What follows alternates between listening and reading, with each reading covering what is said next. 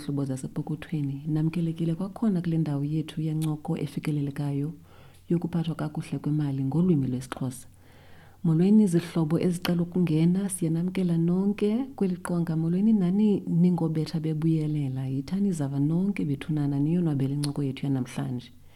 Mandikhumbuze kwakhona ukuba apha sabelana ngolwazi namava ngokuphangaleleyo ukuze wenze isigqibo sokukhupha imali wena epokothweni yakho qiniseka uba unalo ulwazi okanye uqhagamshelane nabo baqeqeshiweyo abakwaziyo ukukuncedisa bekucebisa. Ngesilungu ke le nto kuthiwa it's professional qualified advice engqamelene nemeko yezimali zakho ngqo. Okwesibini le ncoko ayibhatalelwanga ngabaqeshi bethu kwaye ayikho imali esikuhlawulisa yona ngokuba usimamele. Incoko yethu yanangamhlanje iza kuba kukuhlalutya intetho yeveki ephelileyo yohlwahlo babilo lwemali yesizwe sasemzantsi afrika. Mhlawumbi phambi koba masiqale masicacise ukuba ilizwe eli liyithatha phi na imali leseliyaba liyihlahla. Ilizwe ngalinye lwenza ingeniso ngeerhafu irhafu ke le esithi siyibhatale singabemi ngesilungu corporate and private citizens. Into ethetha ukuthi thina singabemi singabantu eh kwakunye neenkampani.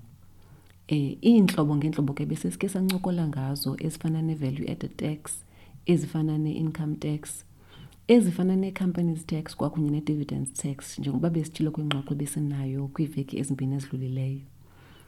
Ixhomekeka ke kwinzuzo ethe yangena iprofit kuloo nyaka imali ethi ingeniswe okanye ibe yirhafu ebhatalwa ziinkampani. Kuye kube khona ke nezinye iirhafu ezithi zihlawuliswe kwizinto ezifana notywala. Amangesi athi ke ezi zii-sin taxes apho urhulumente anyusa ingxowa yakhe ngokwangeza kumaxabiso ezinto ezifana necuba. Umzekelo kulo nyaka mali ka-2022 zinyusiwe zihleli phakathi kuka-4.5 percent no-6 percent ezi zinto ndithi zii-sin taxes uyawubeke wena mthandi wezi zinto usele unanza njalo. Kukwanyuswe nemali le siyibhatalela amacwathi. Abanye bathi ke ngoocheckers ii-plastic bags nge-3 percent. Zingangathi zincinci ezi pesenti okanye le manani la manani ndiwabizayo bethunana kodwa xa udibanisa sekuphela inyanga uyavakala umahluko phaa epokothweni.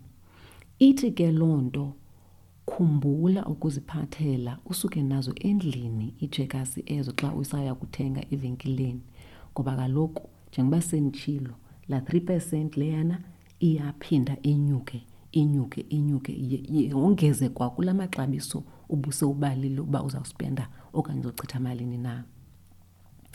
Xa ke inganeli imali ingeniswayo siye isizwe siboleke kwamanye amazwe okanye iingxowamali okanye iingxowankulu ezifana nee-international monetary fund njalo njalo. Le nto yenzelwa into yobana iinkonzo kunye nophuhliso elizweni lungemiswa ngenxa yoba sishota. Into ethetha ukuthi xa singakhange sibe nangeniso eyaneleyo yee-taxes yee-levies yee-sin taxes ezi besendizibalile kuye kufuneke siboleke. Um sizawuthetha ke ngamanani xa siqhubeka nencoko yethu uba amise njani na amanani emali esizibolekayo. Ukhumbule ke uba besikhe sathetha phaa kwiveki ephelileyo ngokuba uhlahlo bali uhlahlo mali uhlahlo lwabiwo lwemali. Wena uzenzele kanjani na xa usenzela isiqu sakho? Bendifuna ukuba singene egiyeni sibone ukuba izinto esizenzayo zidibana njani na zibe yile nto kuthiwa yeyesizwe ibhajethi ngoba kaloku besikhe sathi ngumgalelo lo kuthi singaba singabemi belizwe. Xa kuthethwa ngokuba kukhona i-deficit okanye i-surplus kuyashota okanye kukhona imali engaphaya kwebibhajethiwe yeyethu sonke. Um kuye ke kuthi xa kuthethwa kubekwe imilinganiselo okanye ii-percentages njengomlinganiselo we-gross domestic product. Leyo ke yingqokelela yemali ezithe zangeniswa yintsebenzo yesizwe. Umzekelo izambiwa zethu nezolimo nezokhenketho ziyayingenisa imali kwakunye neemveliso ezinye ezithile eh esithi sizithengisele amanye amazwe kwakunye nathi ezithengayo kuloo mazwe ibe yiformula ke. Lento abantu abafunda economics baza kuthetha ngeformula ye-GDP eh kuye ke kwalapha kule formula kuphinde kuthatyathwe inkcitho kwizinto ezifana neegranti imivuzo yabasebenzi kwarhulumente ezemfundo umthetho eh njalo njalo. Ngesilungu icaciswe ke icaciswe le formula ibe neendawo ngeendawo asizungena kuyo nzulu apha. Eh kodwa ke okufuneka sikucingile into yokubana njengoba xa umntu ephangela efumana umrholo nathi njengoba sililizwe sinezinto ngezinto esinazo ezokhenketho izambiwa eh, ezemveliso zizo eziziye zithi zidityaniswe. Kuphinde ke ngoku kujongwe nokubana si sithenga kwamanye amazwe kangakanani na loo mazwe aphinda athenge kangakanani na apha kuthi. Eh kukhona apho siyakhona kukhona apho siyakhona. Kuba kaloku akufunekanga sive nje sikhawuleze kugqithe iindaba xa kuthethwa ngezi zinto bethuna. Funeka siyazi uba zidibana kanjani na ndithetha ukuthini. Ngoku bethetha umnumzana ugodongwana umphathiswa ibingekaqali noqala imfazwe yerussia neukraine. Into ethetha ukuthi ngoku izinto ziyatshintsha mihla le kuba kaloku la mazwe omabini kwiimakethe zengqolowa kwiimakethe ze-oil i-brand crude lesenza ngayo ipetroli eh ngamazwe arhwebayo ngamazwe esithi sixhathise kuwo apha elizwekazini laseAfrika. Nokuba ke uMzantsi Afrika ungayiyo lento kuthiwa yi-major trading partner eh kulamazwe kodwa siyachaphazeleka. Into ethetha ukuthi iinto ezifana nepetrol izinto lamazwe arhweba kuzo sizawuva nathi silapha kule ndawo sikuyo. Eh sizawungena besenditshilo kumanani abalulekileyo kwenzela ubana ungavi nje kubizwa. Uyazi kuba wena kufuneka ucinge njani nangawo lamanani xa ujonga kweyakho ipokotho yiyo lento eh kwezi veki ezidlulileyo sesathi kwesinye isiqendu yiba ngathi ukuhambo olude uhlengahlengisa into zakho. Mayibe ke nale incoko ngebudget speech.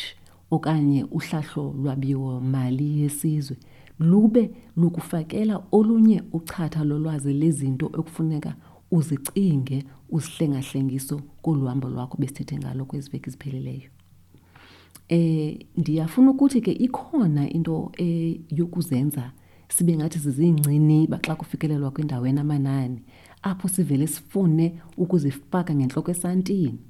Ndithi ke mna ke kuwe sihlobo ukuze nayiphi na imeko ujongane nayo kakuhle njengomntu.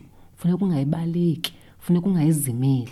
Nalamanani noba anjani na funeka singawazimeli. Kuba kaloku nomphango uyamkelwa ude athi ugqirha wencwadi uathambile masola xa ethetha ngemiphanga uthi ifika ingamanani akhwankqisayo amanani angenagama.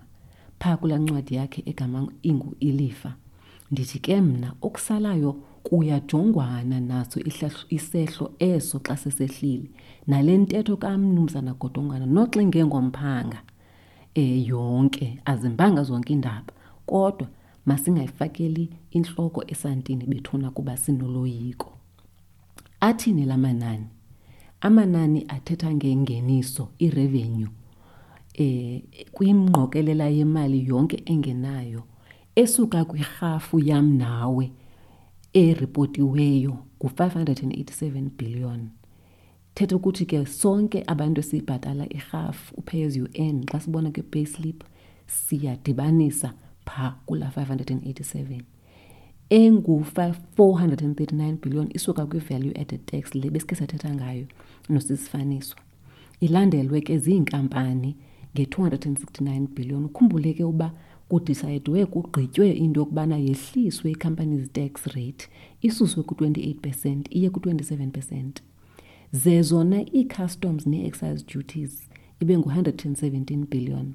Irhafu yepetroli yona efunyenweyo ilevy ibe ngu-89.1 billion ne-94.1 billion ke ezizinye ke iimvelikishi zingakhange zichazwe. Eh ibalulekile ke into yoba siyazi into yokubana yintoni kanye kanye le engundoqo kwingeniso yethu esilelizwe. Uba umamele kula manani ndiwabizileyo elona likhulu leli lerhafu kawonke wonke bethuna. Abantu boMzantsi Afrika abantu abasebenzayo ababhatalayo ngabo endingathi silithwele eli lizwe. Ingakumbi xa unodibanisa ne-VAT le siyibhatalayo kuzo zonke izinto xa sithenga ezivenkileni. Into ke enye endifuna ukuyikhankanya ngamatyala ethu siyi-South Africa kuba athatha inxalenye enyukayo ye-G_D_P nengeniso revenue yethu ililizwe. Ndizama ukuthini? Ndizama ukuthi ilixhala into yokubana imali esithi siyibhatale ibe yi-interest. Yonyuke xa iqhathaniswa ne-G_D_P iphinde inyuke unyaka nonyaka xa iqhathaniswa nengeniso irevenue. Into ethetha ukubana imali xa ingena unintsi lwayo siyenza le nto kuthiwa kukusevisa amatyala. Yakhumbula ke nakuku besithetha ngohlahlo lwabelo mali lakho wena ungumntu nje ungelo lizwe ungeyonkampani besikhe saxwayisana sa, sa ubana ityala funeka ibe yinto esingachithi imali into kuyo. Kuyafana ke nalapha esizweni bethunana. Iphinde inkcitho yethu sililizwe xa iyonke ifikelela kwi-6.62 trillion kule minyaka emithathu ezayo. Ayasityabula ke amatyala kuba kuloo mithathu iminyaka ezayo kwimali esithi sizayikhupha siza, siza eh yi-14 percent 14.4 percent yonke eyapha ematyaleni xa sithelekisa nemali engeniso. Ngamanye amagama ke esilungu irevenue esiyilindeleyo kule minyaka emithathu ezayo 14.4 percent yayo loo mali ezawungena sesiyazi uba sesizawuyichithela ematyaleni. Eh ithi ke le eyingeniso ibe yi-17.6 percent. Uyabona uba inkulu? Uba loo mali ithi xa ifika xa singena ifika iye ematyaleni i-14.4 ye-GDP kunye ne-17.6 yengeniso ayotsheyintshi leyo encinci. Yimali leyo engesiyisebenzisa ukukhulisa ezoqoqosho lwethu. Izibonelelo zoluntu zona kule 6.62 trillion bendithethe ngayo iminyaka emithathu ezayo i-59.4 percent yaloo mali iya kwizibonelelo zoluntu. Enye ke into mandiyikhankanye yinto yokuba ezophuhliso ngoqoqosho zona imali esetyenziswayo kwezo zinto ikhula ngo-8.5 percent unyaka nonyaka. Zona izibonelelo zoluntu zinyuka iindleko ngo-7.9 uyabona uba imali esithi siyisebenzise eyokukhulisa uqoqosho nesikhulisa yona izibonelelo zoluntu ingathi ziyalingana. Ayonto imbi bethuna ukukhulisa izibonelelo zoluntu. Kodwa ke siyayazi nathi ukuntu yobana funeka sibe ngathi sikhulisa kakhulu kweli cala lokukhula kwe-economy lezinto esizikhiqizayo. Enye indawo ebalulwayo ukuba siyahlinzeka kuyo sililizwe yimivuzo esithi siyibhatale abasebenzi bakarhulumente ephaa kwi-31.6 percent. Singalibali kaloku ubana isirhulumente sesinye sabaqeshi abakhulu apha elizweni. Kodwa ke kuthiwa kuyenziwa iinzame zokuba ingakhuli kakhulu idlule kuloo 31.6 le mali. Eh siyazihlangula bethuna neenkampani zikarhulumente nazo eziqasha abantu kodwa nothi zonke. uDinel wabelwe i3.1 billion uSasria yena wabelwa i7.1 point uh, i7.1 billion. Sikhumbule ukuba uSasria nguye oncedisa iinkampani ze-insurance. Kulaa nto ibikhe yenzeka last year yokuba kuluthwe e-KZN yiyo le bantu bangela uba inyukela 7.1 bendikhe ndathi zonke ke ezi zinto zifana netsheyina ziyakonekthana xa kusenzeka into kwenye ikona ziyachaphazeleka ezinye ikona.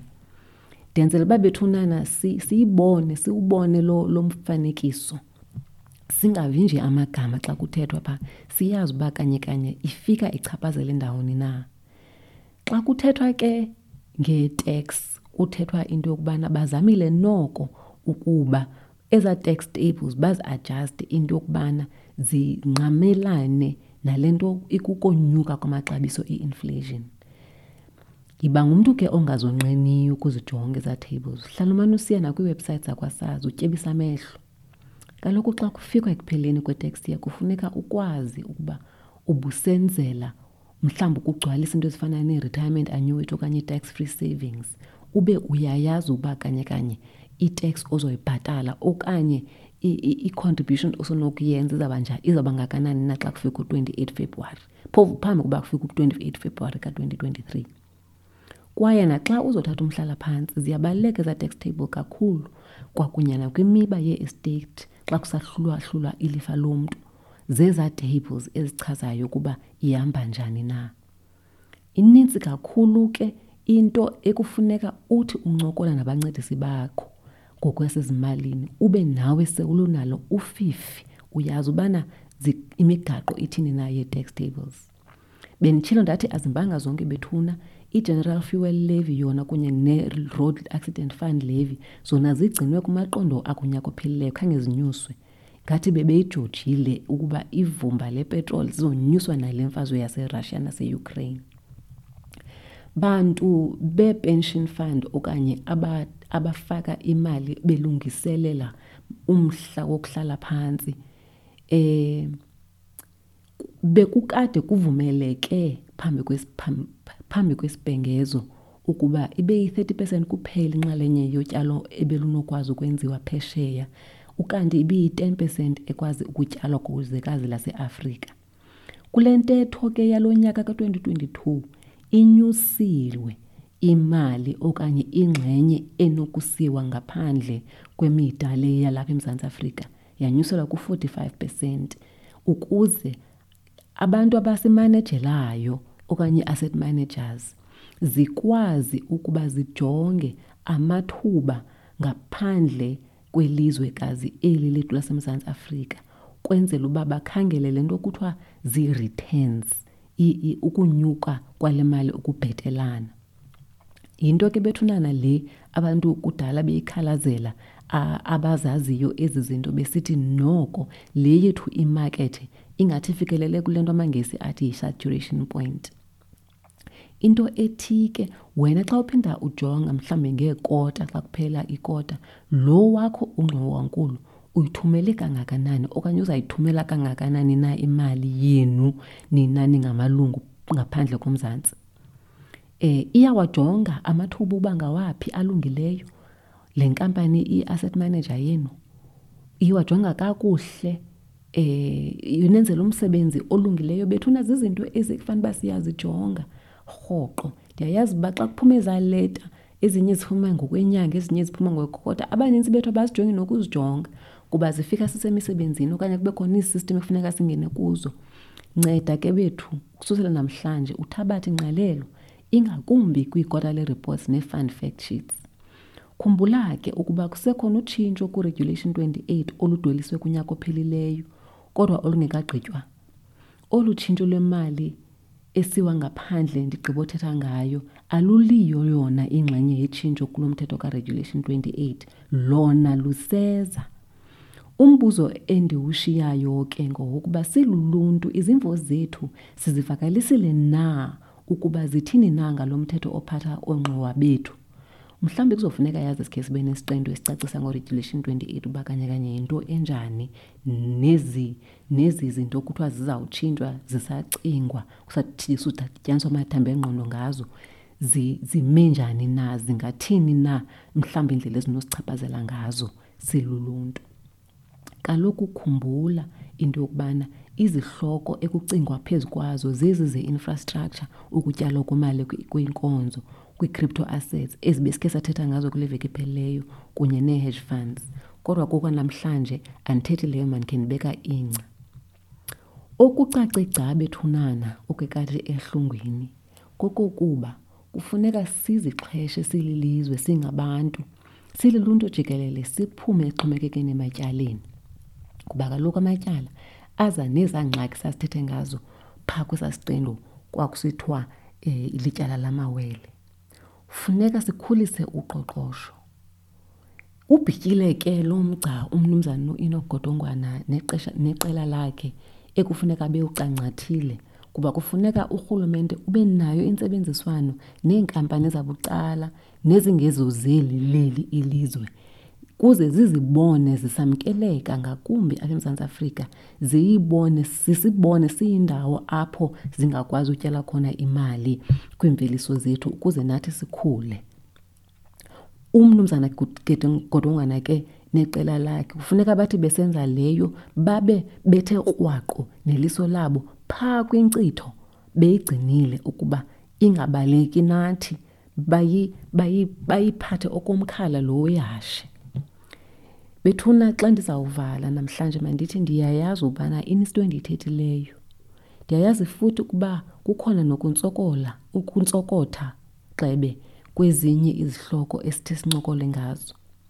Injongo ke kukuba noba singazukuzivisisisa okokuqala mhlawumbi xa sithetha ngezinye izinto siziqondisise xa ziqala ukucaciswa zonke ngeminenye kodwa masizincokole masizibuze imibuzo sibuze nabaziyo ngazo ukuze zihlale zilapha ematheni nasezingqondweni ezi zinto kuba kaloku zezethu zona ilizwe lona lelethu iimali ezi zezethu wonke umntu uyachaphazeleka xa kunyuka amaxabiso wonke umntu uyachaphazeleka xa kutshintsha imithetho wonke umntu uyachaphazeleka xa kungekho mali engenayo izawunyusa uqoqosho lethu.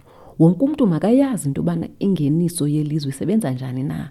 Sifundiseke sizazi futhi izinto ilizwi lethu emasizifake kulo bethuna sizifake kanjani na. Kuba besenditshilo ndathi ngumgalelo ibhajethi yesizwe esi ithethwa yona ngumntu omnye ngumphathiswa itogodongwana kodwa sisizwe sonke ekufuneka. Sithini? Sizazi ezi zinto sizincokole sizibuze imibuzo ngazo.